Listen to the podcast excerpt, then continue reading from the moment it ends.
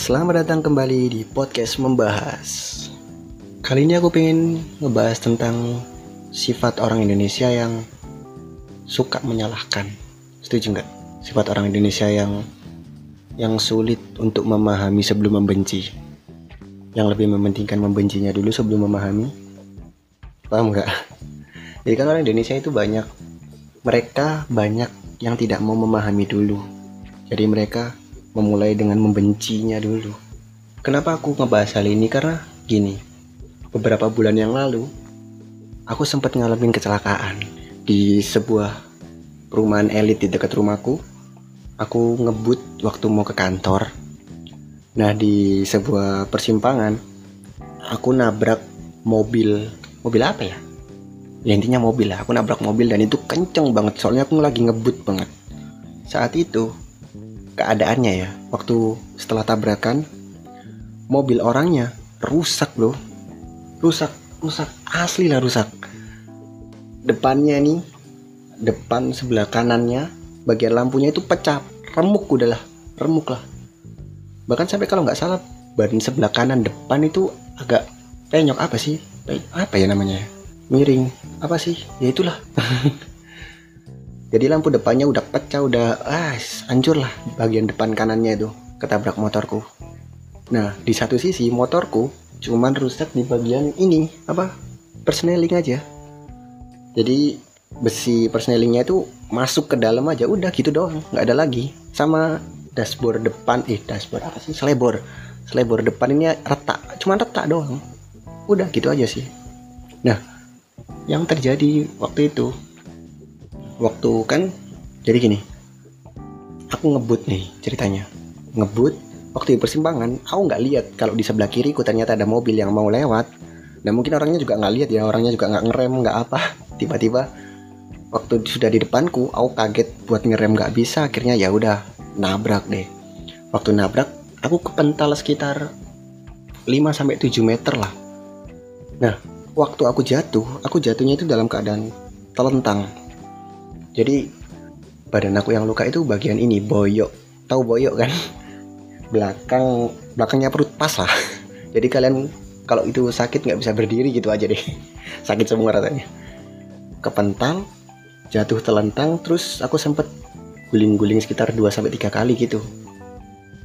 Nah saat itu langsung banyak orang yang nolongin aku. Orang pertama yang nolongin aku itu orang yang bagian bersih-bersih di perumahan itu orang itu langsung datang langsung nolongin aku suruh berdiri suruh duduk dulu. Tapi karena emang sakit ya kan nggak bisa. Jadi aku bisa tidur dulu. Nah yang nyetir mobil aku nggak tahu ternyata dia cewek. Cewek mungkin sekitar umur berapa ya? 20-an lah 25 26 gitu mungkin. Dan dia kayaknya kena shock gitu. Jadi dia waktu keluar mobil itu kayak uh, uh, uh, uh, shock gitu kaget gitu. Nah seperti yang kita tahu, kalau ada kecelakaan mobil dan motor, yang pasti salah adalah yang mobil, ya kan? Bener nggak? Nah, tapi dalam situasi ini tuh sebenarnya aku yang nabrak, aku yang ngebut soalnya. Aku sadar kalau aku yang salah. Aku dalam keadaan sadar kalau aku itu ngebut dan nabrak orang ini.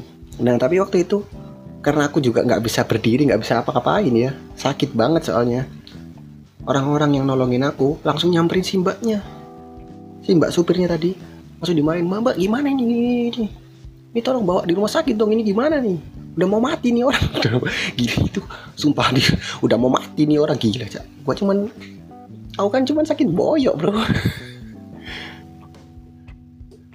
Nah terus dari situ karena aku dengar kata-kata kayak gitu aku berusaha nguat-nguatin diri buat berdiri sampai ditanyain orang-orang mas mas mas ya mas mas masih kuat aku kuat aku kuat buat aku bilang kuat mas kuat mas. Udah mas tak selesai sendiri aja sama mbaknya.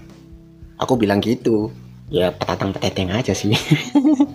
Terus akhirnya udah aku datang ke mbaknya. Orang-orang yang nolongin tadi udah mulai bubar karena ngerasa udah selesai kan aku bisa nyelesain sendiri. Padahal waktu itu masih sakit banget sebenarnya asli. Bahkan aku waktu nyamperin orangnya aku langsung duduk deket orangnya. Set duduk terus langsung bilang mbak gimana ini mbak? Gitu orangnya ya masih syok dong. E, gimana ya mas? Ya mas mas masnya kenapa mas? Terus aku bilang udah mbak. Mbaknya telepon keluarganya dulu aja suruh datang ke sini. Akhirnya ya udah mbaknya telepon keluarganya. Keluarganya datang tuh. Datang kaget. Ya pertama pasti kaget ngeliat mobilnya kan hancur kan. Terus ngeliat aku juga waduh mas kenapa masih apa masih terus aku bilang bu ini gini jadi ceritanya ini saya yang nabrak saya yang kaget. Mbaknya juga kaget mungkin. Kita berdua sama-sama kaget tapi intinya saya yang nabrak. Kira-kira ini saya ganti rugi berapa ya bu ya? Jadi di situ aku langsung mau ganti rugi ke orang ini.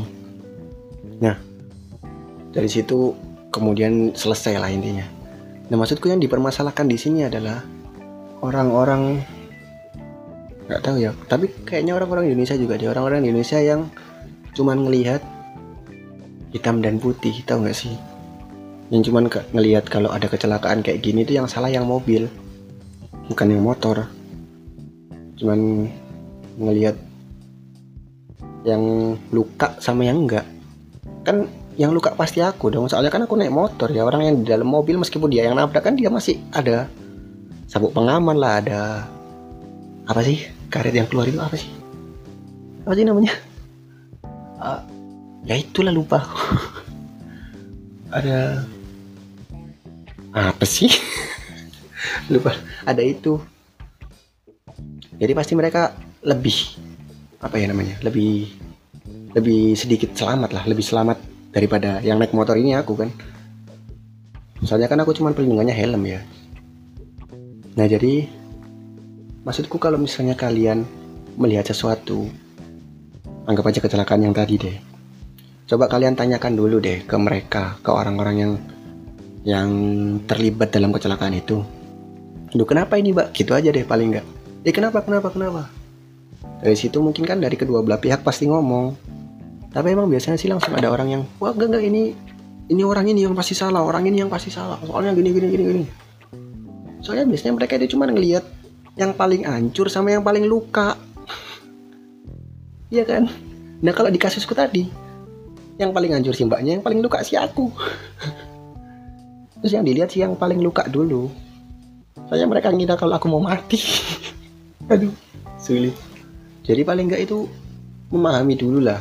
Kalaupun misalnya kalian nggak nggak tahu, jadi biasanya kan kalau kak tabrakan itu biasanya sama-sama nyolot kan yang terlibat mau yang ditabrak ataupun yang nabrak jadi sama-sama nyolot sama-sama nggak mau salah biasanya. Kalian cuma bantu ini aja bantu ngelerai sama bantu ngobatin kalau misalnya ada luka. Ya, intinya sih paling nggak ditolong aja sih. Ditolong lah paling nggak ya.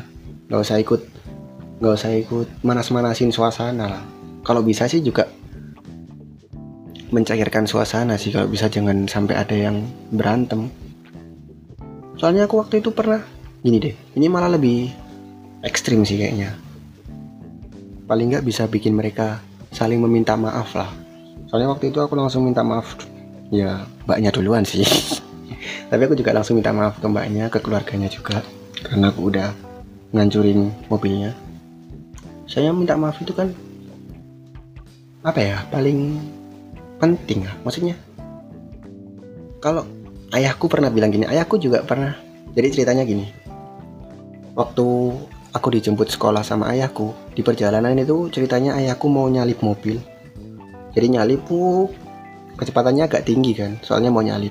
Hmm, setelah nyalip di depan ada motor. Ayahku nggak bisa ngerem. Pas. Jadi nabrak sedikit ke knalpotnya pengendara motor tadi. Langsung pengendara motornya nyolot bro asli nyolot. Dia langsung bilang wih pak ya apa ini maksudnya apa maksudnya ini? Ya apa ini rusak ini lo knalpotnya rusak lo padahal aku sama ayahku ngeliat dengan mata yang masih sehat. Nggak ada apa-apa bro. Motor knalpotnya asli nggak ada apa. Mereka ini orang jalan. Suara motor knalpotnya eh suara knalpotnya juga masih mot iya suara knalpot bukan suara yang rusak rusak rusak rusak. Nggak gitu asli. Masih sehat masih bagus. Tapi langsung nyolot. Sampai bilang gini orangnya ayo mudun sampean pak. Ayo gegeran aja ambil aku. Ya ayahku kan ngerasa nggak salah ya. Karena emang dilihat juga nggak ada yang perlu ditanggung jawabin jadi aku cuma bilang nggak mas maaf maaf. Sepurani mas sepurani maaf. Sakinah selama jalan. Di apa sih namanya dipepet terus nih sama nih orang. Dipepet terus dipepet terus. Akhirnya ada di sebuah persimpangan kita misah misah jalan dan kata terakhir dari orangnya dia bilang awas on pak tak golei kon awakmu. Saya aku cuman bilang gini ya silahkan soalnya zaman dulu itu aku SD belum ada. Belum ada Android bro. Belum ada Java malah. Java masih eh nggak tahu sih. Belum ada Android. Asli belum ada Android. Google Maps saja belum ada waktu itu. Gimana coba mau nyarinya? Jadi orang ini nggak mungkin bisa nyari kan? Iya kan? Nah terus ada satu kejadian lagi ini bukan aku yang ngalamin tapi aku sekeluarga ngeliat. Jadi aku sekeluarga naik motor juga. Di depanku ada pasangan kayaknya. Nggak tahu pacaran nggak tahu udah menikah ya. Mereka naik motor laki gitu nggak tahu fiction mungkin. Ya semacam gitulah. Di depannya ada ibu-ibu kayaknya mbak ini deh kresek laundry gitu deh kresek baju-baju gitu. Nah ibu-ibu yang mbak kresek laundry ini tadi itu tiba-tiba kresek laundrynya itu jatuh. Jatuh. Nah orang yang di belakang ini yang naik fiction ini tadi itu kadang dalam keadaan yang omong-omongan nih omong-omongan sama orang yang di belakangnya pasangannya ini tadi omong-omongan. Terus dia kaget ngeliat depan tiba-tiba udah ada kresek laundry aja. Kaget kan langsung ngerem dada jatuh. Nah yang dilakukan sama ibu paling depan ini tadi dia cuman ngambil kasih laundrynya ditaruh di motor lagi terus cabut. Kampret ya terus aku tanya dong ke ayahku wih ya nggak sopan ya? Masa dia habis bikin orang jatuh dia nggak mau tanggung jawab? Harusnya kan dibawa ke eh harusnya kan dibawa ke rumah sakit tuh kalau misalnya ada yang sakit. Terus saya aku cuma bilang gini iya harusnya ibu tadi minta maaf ya. Terus aku tanya kan minta maaf toh ya nggak bisa dong kalau misalnya ada yang sakit gimana kalau misalnya ada apa-apa sama motornya gimana kalau misalnya ada apa gimana saya aku cuma tanya gini kalau kamu jadi ibu yang paling depan tadi kamu mau ngapain terus aku jawab ya kalau misalnya ada yang sakit aku bawa ke rumah sakit lah ya Ayahku cuma jawab gini, iya kalau rumah sakitnya deket. Kalau rumah sakitnya jauh. Kalau di daerah sini nggak ada rumah sakit, gimana? Ya mungkin aku ganti pakai uang. Kalau kamu nggak punya uang waktu itu, kamu lagi nggak megang uang waktu itu gimana? Dari situ aku langsung bingung sih. Iya ya. Gimana ya kalau misalnya aku kayak gitu ya? Iya sih ya. Terus aku harus gimana? Makanya minta maaf dulu aja. Yang paling penting itu minta maaf dulunya aja. Kalau kamu bisa minta maaf, paling nggak orang yang tak sebelumnya itu marahnya bisa sedikit mereda karena maafmu. Jadi mereka nggak menuntut lebih banyak lagi dari sebelumnya. Kalaupun kau memang bawa uang waktu itu, minta maaf sama mungkin kasihlah mereka. Ganti rugi. Karena memang kamu sadar kamu salah. Kalau di sana dekat ada rumah sakit, bawa ke rumah sakit kalau bisa. Kalau misalnya ada yang luka-luka. Tapi kalau misalnya kamu nggak punya apa-apa waktu itu coba minta maaf aja. Itu adalah prinsip yang dikasih sama ayahku. Jadi aku saranin nih buat kalian coba dulu pahami situasi yang terjadi di sekitar kalian misalnya. Kayak kejadian aku tadi. Ayahku mencoba memahami situasinya memahami keadaan ibu tadi mungkin yang langsung cabut. Mungkin karena ibunya nggak tahu. Eh mungkin karena ibunya nggak punya apa-apa yang harus di nggak punya apa-apa yang bisa diberikan ke orang yang jatuh tadi. Jadi ayahku memahami situasinya dan mencoba mengerti sama ibu-ibu tadi. Intinya dari ayahku sih kalau kalian melakukan salah dan kalian sadar bahwa itu salah kalian. Coba untuk minta maaf. Jadi intinya kita harus bisa jadi orang yang mengerti yang berusaha untuk mengerti sebelum membenci. Mengerti dan memahami sebelum membenci. Kalau misalnya kalian sudah membenci dulu sebelum memahami ya nggak fair lah. Nggak nggak adil aja. Coba pahami dulu mungkin yang mau kalian benci dia tidak bermaksud untuk membuat kalian benci. Kayak contohnya si ibu tadi. Aku nggak mau mencoba memahami. Aku nggak mau mencoba untuk mengerti keadaan si ibu. Aku langsung membenci keadaan si ibu. Jadi aku nggak bisa tahu nih apa yang dirasakan sama si ibu ini tadi. Sama kayak kejadian yang mas yang ditabrak sama ayahku ini tadi dia nggak mau berusaha untuk mengerti dulu nggak mau berusaha untuk memahami bahwa knalpotnya nggak ada yang rusak. Dia langsung membenci ayahku aja. Karena emang orang kalau marah kan cenderung melakukan hal-hal yang bodoh ya. Aneh aja. Ya kalau misalnya ini aku sebenarnya bingung deh gini-gini. Kalau misalnya ada kecelakaan kayak kayak gini deh kayak yang terjadi tadi deh. Kalau misalnya ayahku menuruti keinginan masnya tadi untuk berantem setelah selesai berantem siapa pun yang menang apa yang akan terjadi selanjutnya? Nggak tahu kan? Sama. Kalaupun masnya menang terus mau ngapain? Kalaupun ayahku menang terus mau ngapain? Kan siapa pun yang menang nggak bisa ganti si knalpot ini. Knalpotnya kan tetap biasa aja. Kecuali kalau knalpotnya ikut bertarung tuh. Ayo ayo hmm, panas nih panas nih ayo ayo sini kan nggak gitu tapi Makanya berusaha mengerti sebelum benci itu sangat penting sekali. Mungkin itu aja sih yang aku pengen sharing ke kalian. Oke? Okay? Jadi mari kita berusaha menjadi orang yang mengerti sebelum membenci dulu. Biar Febian pamit. Selamat berjuang teman-teman.